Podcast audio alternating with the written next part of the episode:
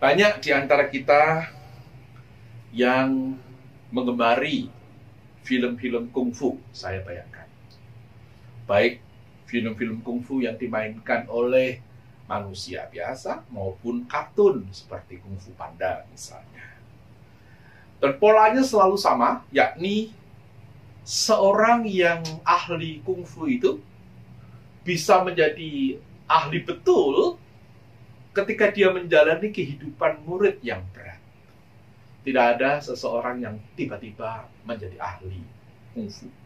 Dia akan mengalami berbagai macam training dan kekalahan dan kebodohan dan kegagalan dalam rangka semakin tahu bagaimana memainkan jurus-jurus kungfu itu. Sehingga kemudian dia menjadi ahli betul justru karena ia menjadi murid betul. Nah, secara murid menjadi murid itu sebetulnya adalah inti dari perintah Yesus. Perintah yang sering disebut orang sebagai amanat agung ini. Walaupun sebetulnya kata Great Commission itu, amanat agung itu tidak ada dalam teks. Saya lebih suka menyebut teks ini ya perintah terakhir. Mungkin lebih tepat begitu. Verba ipsissima perintah terakhir. Kalau kita sebut amanat agung, jangan-jangan yang lain tidak agung. Ada problem di situ. Yesus bersabda sepanjang Injil Matius, semuanya agung, bukan? Yang ini memang diperlakukan istimewa karena ia sabda terakhir Yesus. Kalau toh Anda tetap bertahan dengan kata amanat agung, boleh asal mengingat yang lain juga agung.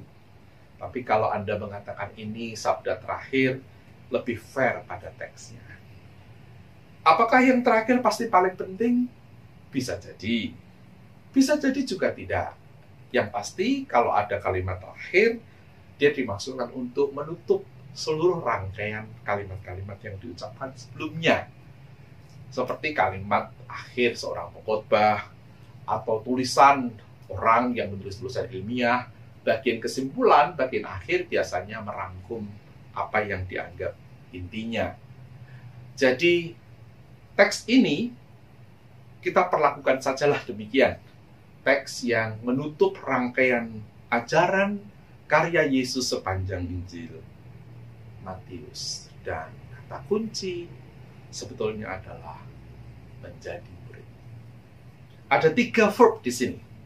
Jadikanlah semua bangsa muridku, baptislah dalam nama Bapa, Anak, dan Roh Kudus, dan ajarlah mereka melakukan segala sesuatu yang telah kuperintahkan kepadamu. Lalu Yesus memberikan penyertaan, aku menyertai kamu senantiasa sampai kepada akhir zaman. Tiga kata kerja itu berbeda-beda bentuk. Saya akan tunjukkan bentuk Yunaninya. Kata muridkanlah itu mateteo. Mateteo, lalu kata baptislah itu baptiso, dan kata ajarlah itu didasko. Nah, kalau hanya diucapkan begini tentu tidak bernuansa. Namun, kalau kita periksa kata mateteo itu bentuknya, kalau bahasa Yunani, saudara, adalah auris. Aurus adalah sesuatu verb yang sudah selesai dikerjakan. Sementara kata baptiso dan kata didasko bentuknya adalah present participle aktif. Jadi masih sedang dijalankan. Nah, itu sebabnya saya mengatakan kata muridkanlah, jadikanlah sebab bangsa murid itu dasar dari dua aktivitas yang lain, yaitu baptis dan ajarlah sesuatu harus dikerjakan dari dasar itu. Dasar itu harus firm lebih dahulu. Maka ia disebut digunakan menggunakan verb aktif auris imperatif menjadi dasar dari dua aktivitas yang sedang berlangsung. Kita akan kembali ke pentingnya menjadi murid ini setelah kita mengeksplorasi topik yang diminta oleh majelis mengenai Trinitas kaitannya dengan baptislah dalam nama Bapa, Putra, dan Roh Kudus. Itu berarti kegiatan inisiasi ini membaptis dan juga mengajar adalah kegiatan yang perlu diletakkan dalam kesadaran tujuan untuk menjadikan semua bangsa hidup sebagai murid Yesus. Itu lebih penting daripada sekedar dogma atau daripada sekedar ritual atau daripada sekedar pengetahuan teologi. Apa artinya kita memiliki pengetahuan teologi atau dibaptiskan atau memiliki dogma yang baik jika itu semua tidak membuat hidup kita menjadi murid yang setia. Tetapi kita tidak mengatakan bahwa inisiasi, baptisan, atau pengajaran tidak penting. Itu penting, tapi harus dibangun di atas kesadaran tujuannya adalah supaya seluruh bangsa menjadi murid Yesus. Murid yang baik tadi harus berani berlatih, kadang juga jatuh bangun, tapi kalau ia setia pada panggilan gurunya dan setia pada jalan kemuritan, maka ia akan menjadi murid yang menjadi ahli pada waktunya. Mungkin ia tidak akan pernah menjadi guru sejati, karena guru sejati kita tentu adalah Yesus. Tapi paling tidak ia menjadi murid yang sejati dari guru yang sejati. Dalam rangka itu kita perlu untuk mengetahui apa arti dibaptis dalam nama Bapa, Putra, dan Roh Kudus, dan mengetahui apa yang diajarkan Yesus. Nah, saudara-saudara, Rumusan baptisnya memang dalam nama Bapa, Putra, dan Roh Kudus. Itu sebab lalu majelis meminta supaya saya bicara soal Trinitas di minggu Trinitas ini. Nah, kejutannya begini. Dalam Matius 28 ini, kita tidak mendapati dogma atau doktrin tentang Trinitas. Menurut Megrat, bahkan dogma Trinitas tidak dirumuskan eksplisit dalam kitab suci yang dirumuskan eksplisit itu adalah pola kerja, nilai kerjanya bahwa Allah berkarya dalam Kristus, dalam daya Roh Kudus. Nah, kalau itu ada di banyak kisah tentang Yesus dan dalam cerita-cerita mengenai dia serta dalam surat-surat Paulus, surat-surat rasuli yang lain. Allah bekerja melalui Sang Putra Kristus dalam daya Roh Kudus. Tetapi dogma atau ajaran konstruktif detail tentang Trinitas tidak dikatakan di sini. Apalagi dalam Injil Matius. Dalam Matius hanya dikatakan baptislah dalam nama Bapa dan Anak dan Roh Kudus. Jadi saudara, untuk bicara soal Trinitas, kita harus memang menggunakan teks ini boleh, tapi sebagai rumusan saja. Kalau teologinya tentu saya harus meluas sedikit bicara soal diskursusnya. Nah, secara ringkas, saya ingin menegaskan bahwa Trinitas, pengertian tentang Trinitas, adalah salah satu hal yang paling kompleks dalam ajaran Kristen. Jadi itu ringkasnya. Dia paling kompleks. Bisakah diringkaskan yang kompleks itu? Bisa, tapi dengan hati-hati. Jangan sampai kita salah memahaminya. Karena dalam sejarah penafsiran memang sering terjadi kesalahpahaman. Apa toh yang menyatukan dari Bapa, Putra, dan Kudus? Dan mengapa mereka menjadi Bapa, Putra, dan Kudus? Jadi apa yang membuatnya jamak, apa yang membuatnya satu? Maka disebut triun kan, trinitas, tri and union. Bagaimana mereka tiga hal ini united? Bagaimana mereka tetap menjadi tiga? Dan bagaimana hubungan di antara mereka semua? Ini yang membuat pengajaran iman Kristen sering disalahpahami. Kita sering mendengar orang Kristen itu dianggap triteis Allahnya tiga. Kita bilang bukan. Loh, lalu bagaimana? Apakah Allahnya satu? Kita bilang satu yang tiga, tiga yang satu. Lalu kita dicela, kita dibully, dianggap politeistik.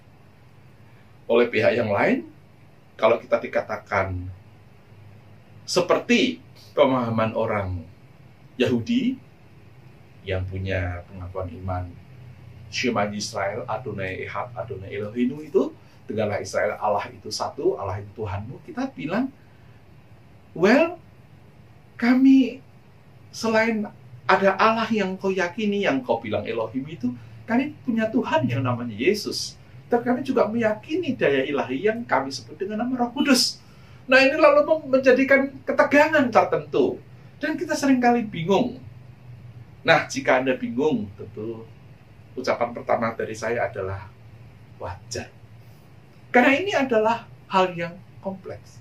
Sederhana tapi kompleks. Sederhana nanti saya akan tunjukkan contoh-contoh yang bisa membantu kita menyederhanakan hal yang kompleks. Tapi kompleksitasnya tidak boleh dihilangkan. Dalam sejarah gereja terjadi begitu, saudara-saudara. Kadang-kadang tekanannya ingin menyederhanakan, jadi menghilangkan kemajemukan wajahnya. Tapi ada juga yang mempertahankan kemajemukan, kemajemukan wajah dari Allah, sehingga lalu kompleks, lalu sophisticated, rasanya kadang-kadang terasa sulit dipahami. Ketegangannya terletak di situ. Sekali lagi kalau referensinya adalah Matius 28, lihat dalam Matius ini tidak bicara soal relasi di antara ketiganya. Hanya baptislah mereka dalam nama Bapa dan Putra dan Roh Kudus, ajarlah mereka melakukan semua yang diajarkan Yesus dalam rangka menjadi murid Saudara-saudara, apa itu Trinitas yang menjadi dasar pengkalimatan pembaptisan itu? Nah, saudara-saudara, Irenius, seorang bapak gereja, merumuskan istilah bahwa Bapa, Anak, dan Roh Kudus itu harus dipahami dalam suatu ekonomi keselamatan. Itu istilahnya, ekonomi keselamatan oikos, dan nomos dari keselamatan. Ada Bapa, Allah Bapa yang tak tercipta, tulis Irenaeus, adalah Allah yang esa dan tak terlihat pencipta alam semesta, dan firman Allah, anak Allah yaitu Tuhan kita Yesus Kristus, yang menjadi manusia yang dapat dilihat dan disentuh, ia melenyapkan kematian, membawa kehidupan dan memulihkan persekutuan antara Allah dan manusia, serta Roh Kudus yang dicurahkan dengan cara baru ke atas manusia dalam rangka memperbaharui kemanusiaan dalam pandangan Allah. Lihat, rumusannya seperti itu. Kompleks, toh? Kalau kita mau membuatnya lebih dipah bisa dipahami, mungkin rumusan berikut ini menolong. Apa yang menyatukan ketiga aspek dari ekonomi keselamatan ini? Dari Bapa, Putra, dan Kudus yang menyatukan adalah substansinya. Apa yang membedakan Bapa, Putra, dan Roh Kudus? Yang membedakan adalah personnya. Sekali lagi, apa yang menyatukan? Yang menyatukan adalah substansinya. Apa yang membedakan, membuatnya majemuk? Yang membedakan adalah personnya. Jadi saudara-saudara, ketiga person Trinitas ini terpilah namun tak terbagi. Istilah dalam bahasa Latin adalah distingsi non divisi. Terpilah distinct tapi tak terbagi non divisi. Mereka satu tapi terpilah. Ketiganya berbeda namun tak terpisah. Diskresi non separati. Berbeda, diskresi, tapi tak terpisah non separati. Bagaimana itu dijelaskan, saudara-saudara? Bisa, kita bisa kok punya contoh-contoh tentang itu. Bahwa hakikatnya satu, tetapi ada tiga elemen yang mandiri, tapi menarik bersama dalam kesatuan hakikatnya. Satu hakikat yakni Allah tiga pribadi. Contoh, saya ingin berikan lima contoh supaya menolong kita mengerti.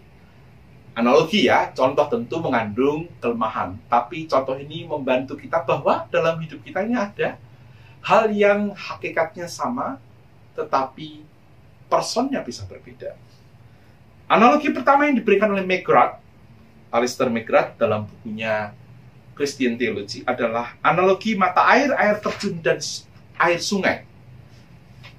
Kata dia, mata air, air terjun, dan sungai dia mengalir dari satu ke yang lain berasal dari substansi yang sama tapi bisa kita bedakan. Kita bisa membedakan apa beda mata air, air terjun, dan air yang ada di sungai. Tapi sebagai air mereka tak bisa dibedakan. Analogi yang kedua yang dia pakai adalah rantai, mata rantai.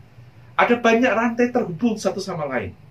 Masing-masing adalah rantai sendiri-sendiri, tapi masing-masing sekaligus menjadikan mereka adalah suatu rantai. Analogi ini dimunculkan oleh orang yang namanya Gregorius Nazianzus misalnya. Yang mengatakan kalau orang menjumpai roh kudus, ya juga langsung berjumpa dengan Bapa dan Anak. Rantai itu terdiri dari banyak mata rantai. Yang namanya rantai ya gabungan dari mata rantai-mata rantai itu. Analogi ketiga adalah pelangi. Satu pelangi ada banyak warna. Analogi yang sering saya pakai untuk menjelaskan kepada umat adalah dua analogi. Satu, segitiga sama sisi. Sama sisi. Sudutnya sama, panjangnya sama. A, B, C. A bukan B, B bukan C, C bukan A. Tapi A, B, C adalah segitiga sama sisi. Bapak bukan anak, anak bukan roh kudus, roh kudus bukan Bapak. Tapi Bapak, anak, dan roh kudus adalah Allah. Jadi itu analogi untuk menjelaskan. Analogi yang paling sederhana yang sering saya pakai dan saya harap juga bisa membantu Anda untuk memahami Allah Trinitas adalah telur. Telur ayam. Kalau kita bilang telur ayam, ya telur. Terdiri dari apa telur itu? Kulit telur, putih telur, dan kuning telur. Kulit telur tidak sama dengan putih telur. Putih telur tidak sama dengan kuningnya, kuningnya tidak sama dengan kulitnya. Tetapi baik kulit putih ataupun kuning telur, ya telur. Nah ini analogi saudara-saudara untuk menunjukkan bahwa Allah yang kita imani itu bekerja dalam suatu ekonomi keselamatan. Istilah yang sering dipakai adalah perikoresis. Tiga persona ini menari bersama dalam kesatuannya mereka saling menari, tapi mereka tidak terlepas satu sama lain.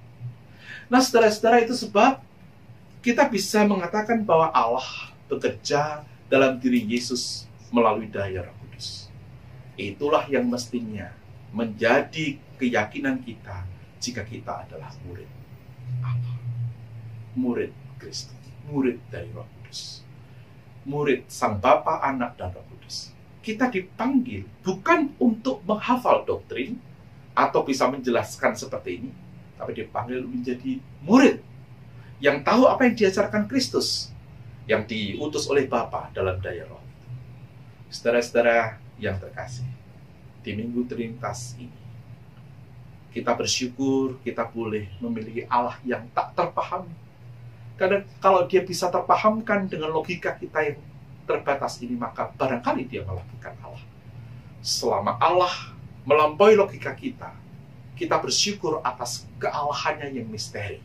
Namun kita bisa mencoba mendekati dan mencoba menjelaskan dia sejauh dengan hati yang lembut, rendah hati dan pikiran yang terbuka, mengakui bahwa Allah selalu melebihi pikiran kita, melebihi teologi kita. Tetapi kita perlu juga punya kejelasan apa yang kita ingat. Allah yang kita imani adalah Allah Trinitas. Bapa, Putra, dan Roh Kudus. Kita dibaptis dalam nama Trinitas itu. Satu hakikat, tiga pribadi. Tak terpisahkan, bekerja dan menari bersama. Anda dan saya dipanggil juga untuk menarikan tarian kemuritan dalam penyertaan dan iman pada Allah Tritunggal itu. Selamat Minggu Trinitas, kiranya hidup Anda dan hidup saya menjadi murid yang setia